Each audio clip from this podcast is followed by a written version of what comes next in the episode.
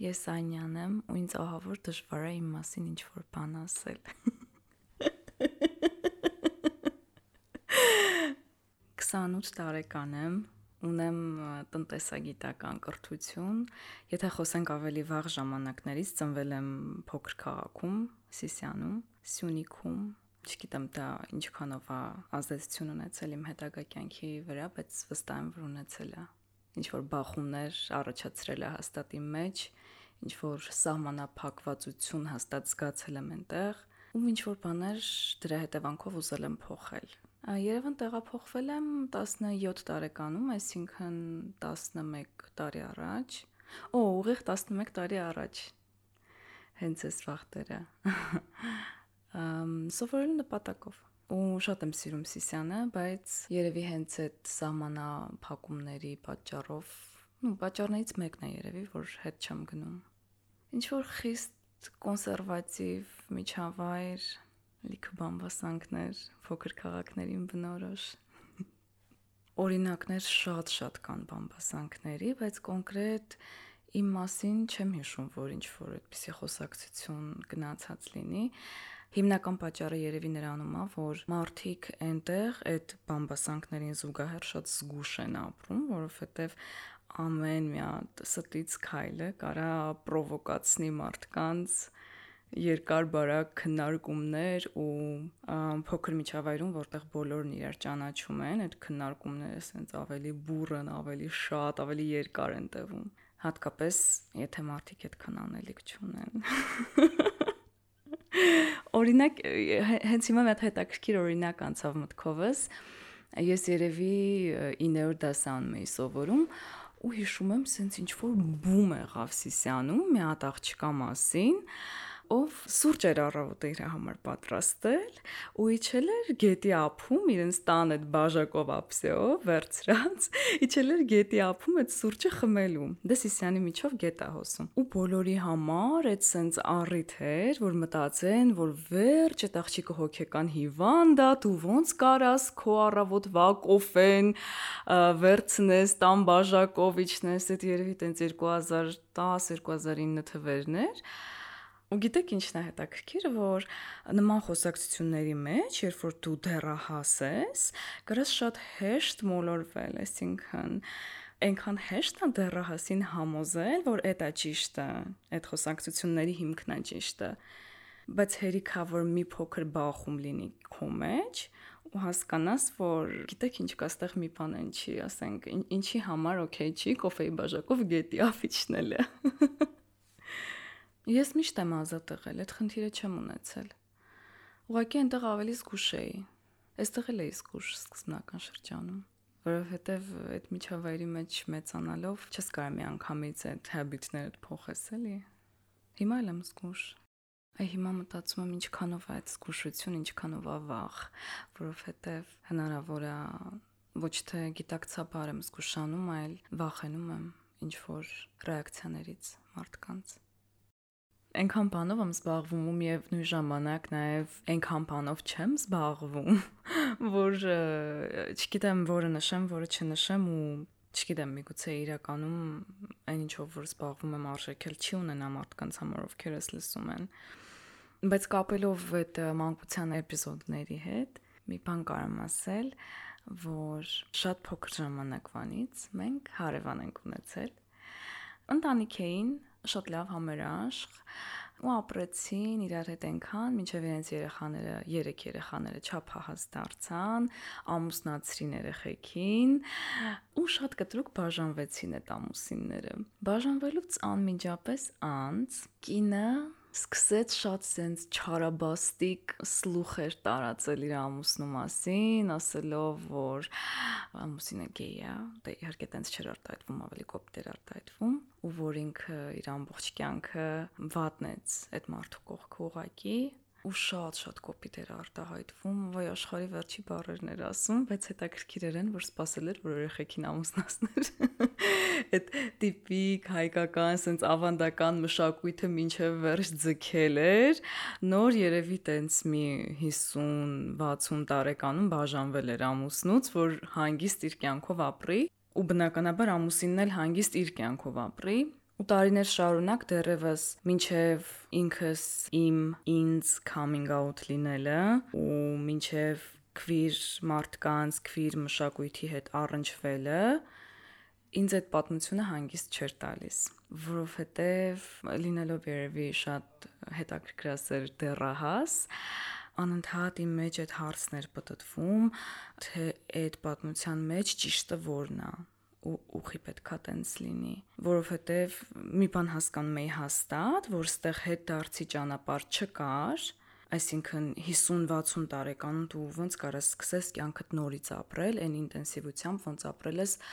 քո 20-25 տարեկանում, երբ որ նոր ես ամուսնացել, ու ստացվում է, որ մի ամբողջ կյանք դու ուղակի վատնել ես սխալ մարդու կողքին Այստեղ խոսքը երկուսին է, հա, վերաբերվում, որովհետև արդյունքում երկուսն էլ դժբախտացել են։ Ու Սիսիանի նման փոքր քաղաքում թերևս այդ միակ օրինակն էր, որ ես ունեի առնչության քվիր մարդկանց հետ այդ են մարդներ, ում ես ամեն օր բալկոնից բարևում էի, այն մարդներ, ով իր բոստանից կանաչի էր տալիս ինձ, որ տանեի տուն, ում հետ փոքր ժամանակվա ինձ առնչվել եմ, ու հետո իմացել եմ, որ սենց բան գոյություն ունի։ Միգուցե ինչ որ մտքեր եմ ունեցել, որ դա հնարավոր է սխալա, որ ինքը տենց է, որովհետև օքեյ է, որ այդ մշակույթի մեջ մեծացած մարդը ինչ որ միտեղ նաև հակառակ կամ զուգահեռներ տանի, հա, տարբեր կարծիքներ։ Չգիտեմ ինչքանով էս պատմությունը կապ ունի, բայց ամեն դեպքում մոտավորապես 18-19 տարեկանից սկսած ես սկսեցի հետաքրքրվել հենց քվիր ակտիվիստներով, LGBT ակտիվիստներով կողքից sense նայում էի թեկուզ մեր հայաստանյան մակարդակով ու sense նենց էի հիանում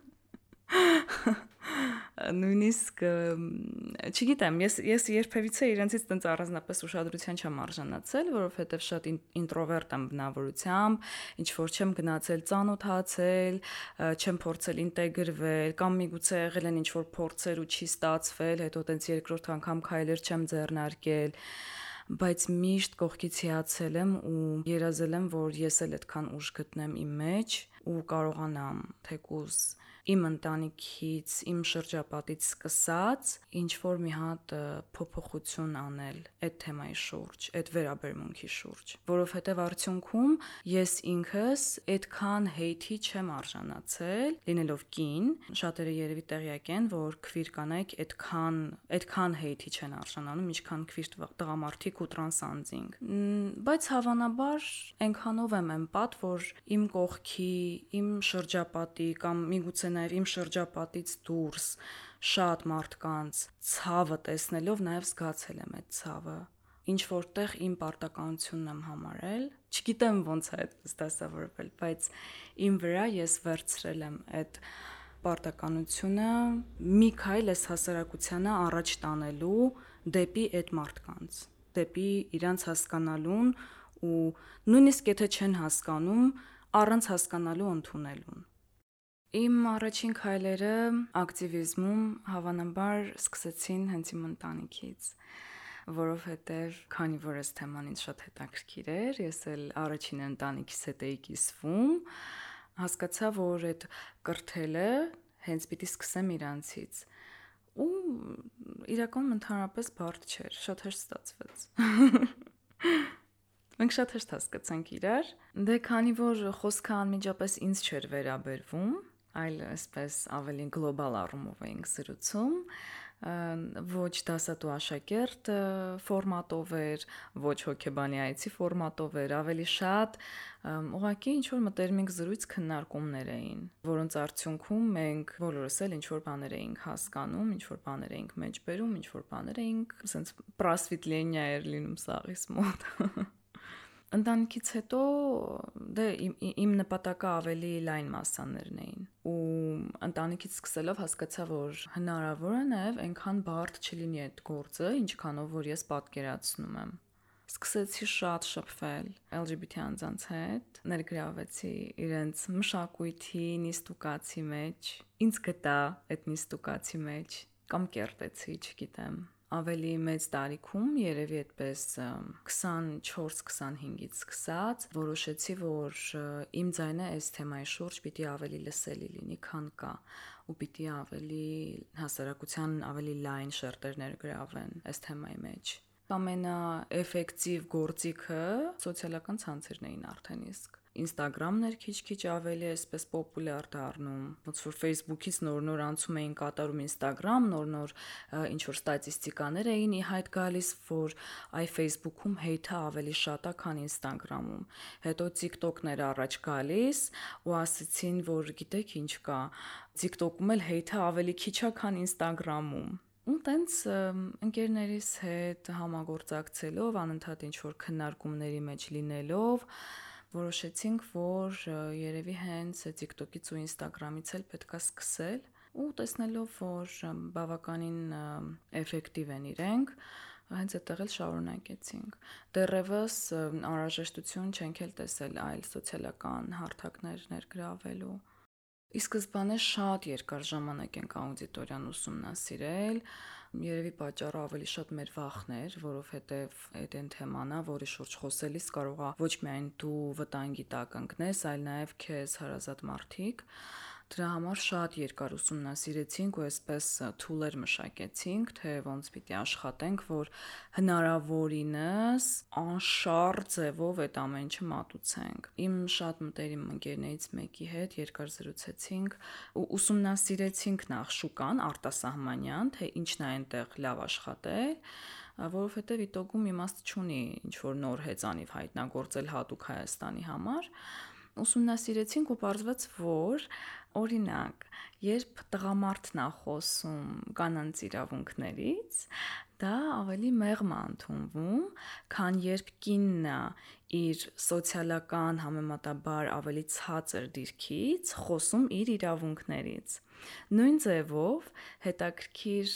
տենդենց կար, որ երբ կինն է խոսում LGBT ակտիվիզմից, երբ կինն է խոսում գեյերից, տրանս կանանցից ու տրանս տղամարդկանցից ու մնացած քվիր անձանց մասին, այդ պարագայում նույնպես հետը ավելի քիչ է լինում։ Ու քանի որ իմ այդ ընկերն էլ պլաններ ուներ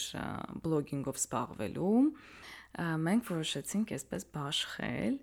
որ կանանց իրավունքներից խոսելու է ինքը, իսկ ես ավելի շատ շեշտը դնելու եմ LGBT իրավունքների վրա։ Ու սկզբանե այդպես էլ արեցինք, ուղղակի ինքը կեսից դուրս մնաց այդ սֆերայից, ու ինքը իր կամքով դուրս եկավ։ Ես մնացի մենակ, բայց այդ ընթացքում մի հատ հետաքրքիր բան նկատեցի, նաև կողքից, թե ինչա կատարվում Հայաստանում։ Մենք ունենք շատ ակտիվիստներ, բայց ինչքանով որ ես ուսումնասիրեցի ու ինչքանով որ ես նկատեցի, իրենց ձայնը հիմնականում լսելի է հենց համայնքի ներսում։ Մեծամասամբ իրենք հենց աշխատում են համայնքի համար ու ինչ որտեղ նաև իրենց ակտիվիզմը սահմանափակվում է իրենց Facebook-յան ֆրենդներով։ Իսկ իմ նպատակը ոչ միայն համայնքի ներքին հզորացումն է, այլ նաև ընդհանուր հասարակության, նույնիսկ երևի դա ավելի առաջնային է ինձ համար, ընդհանուր հասարակության կարծիքը, ասենք, մի քայլ առաջ բերելու, մի քիչ ավելի մարդկանց հասկացող դարձնելու եւ այլն։ Դրա համար հասկացա, որ ես մի քիչ ուրիշ ուղղությամբ պիտի աշխատեմ մի պահ այնպես ստացվեց, որ մարքեթինգ սովորեցի, ու այնտեղ նենց ստացվեց, որ ախվատի ձևերը ուսումնասիրելով նենց դասավորեցի, որ իմ վիդեոները կոնկրետ խորուրդ տրվեն նայել ոչ միայն համայնքին, այլ նաև համայնքից դուրս լիքը մարդկանց։ Ու հետաքրքիր մի հատ մեթոդ մշակեցինք այդ նույն ընկերոջս հետ, մենք մինչև հիմա իդեպ կոնտենտները սենց իրար հետ անընդհատ քննարկելով ենք ստեղծում, որ պետքա ոչ միայն խոսել LGBT ակտիվիզմից,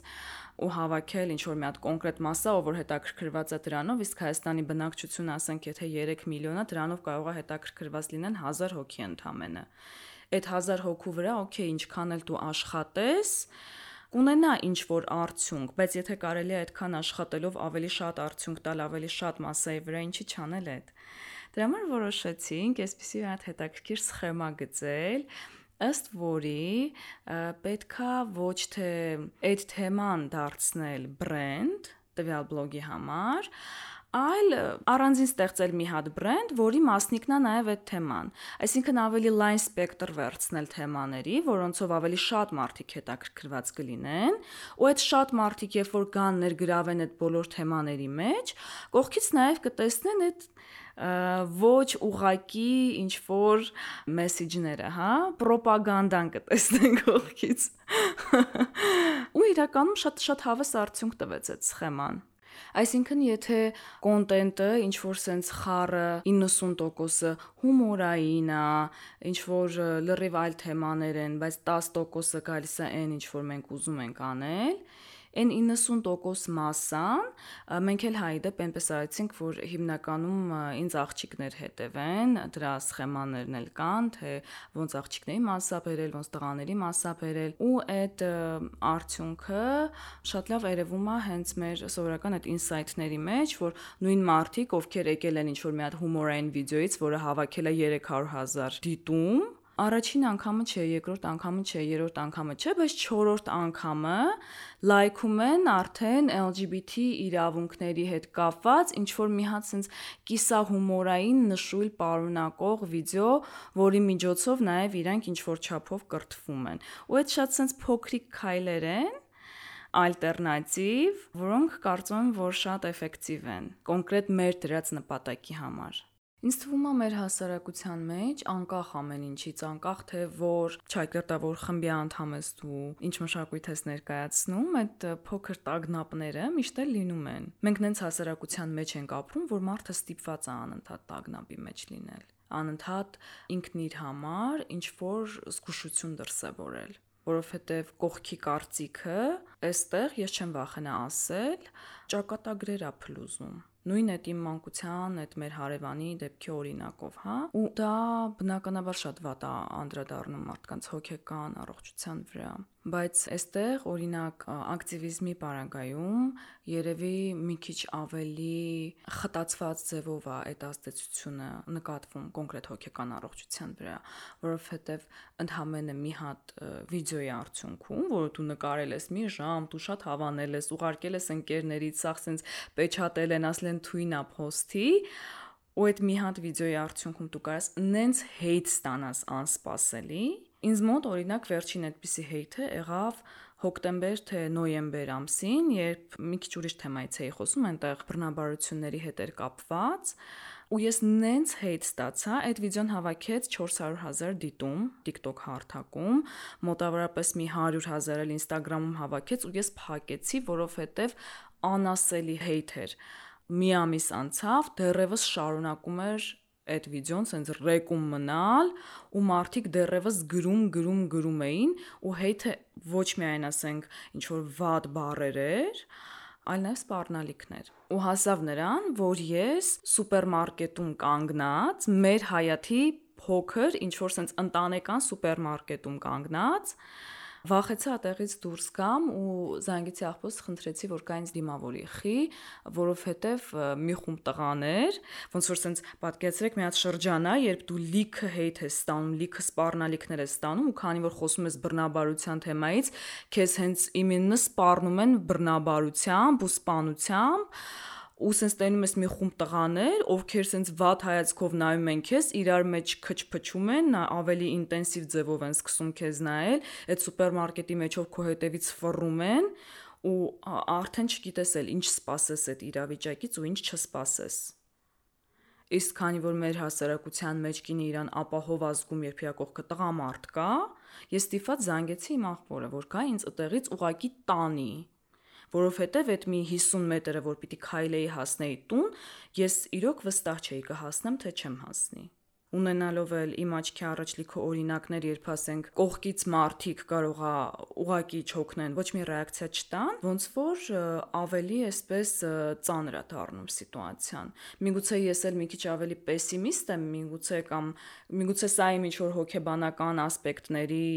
իրար հետ բախումն է, որ հիմա էլ մտածում եմ, որ պեսիմիստ եմ, ես եմ ինձ մեղավոր զգում այդ ամեն ինչի համար եւ այլն եւ այլն, բայց ամեն դեպքում այ այդտեղ իմ զգուշության պիկն էր ու ես մոտավորապես 5-6 ամիս չկարողացա բլոգինգը շարունակել այդ դեպքից հետո որովհետև սկզբի մի ամիսը վախենում էի տնից դուրս գալ, ուր մնաց ինչ որ նոր վիդեո փոստել, հետո սենց քիչ-քիչ սկսեցի դուրս գալ, բայց դեռևս այդ ինչ որ տագնապների մեջ, որ վայ, էսի սենց նայեց, այնին նենց ասեց, ինչ որ մի բան այն չեղավ, հետո սկսեցի թերապիայի գնալ չգիտեմ էլ ինչքանով է այդ ճիշտ, օքեյ, թերապիան օգնում է, մեդիտացիայով եմ զբաղվում, մեդիտացիան օգնում է բայց նենց է ստացվում, որ այդ խնդիրը, որը ինձ համար առաջացնում է հասարակությունը, ես լուծում եմ իմ մեջ, որովհետև ուրիշ բան չեմ կարող անել այս պարագայում։ Եթե ես ուզում եմ այդ խնդրի հետ շարունակել ապրել, պիտի ինչ որ չափով գոնե իմ մեջ այդ խնդիրը լուծեմ, որովհետև դեռևս հասարակության մեջ լուծելը այդքան արագ չի ու այդքան չգիտես ինչ որ հույս ունենաս դրա հետ թե չունենաս էլի 5 ամիս թերապիայից հետո 5 ամիս հոգեբանի հաճախելուց հետո ես այսօր նորից հանգիստ շորտիկով դուրս եմ գալիս տնից վերջապես Իմ գործունեության արդյունքը արդեն իսկ ինչ որ չափով ինձ համար տեսանելի է։ Միգուցե նույնիսկ եթե տեսանելի չլինի զգայական մակարդակով, ես զգում եմ ինչ որ շատ քիչ փոփոխություն։ Ու երբեմն նաև ինձ հույս եմ տալիս, ասում եմ, եթե նույնիսկ մի մարդ այս ամբողջ Հայաստանում իմ գործունեության արդյունքում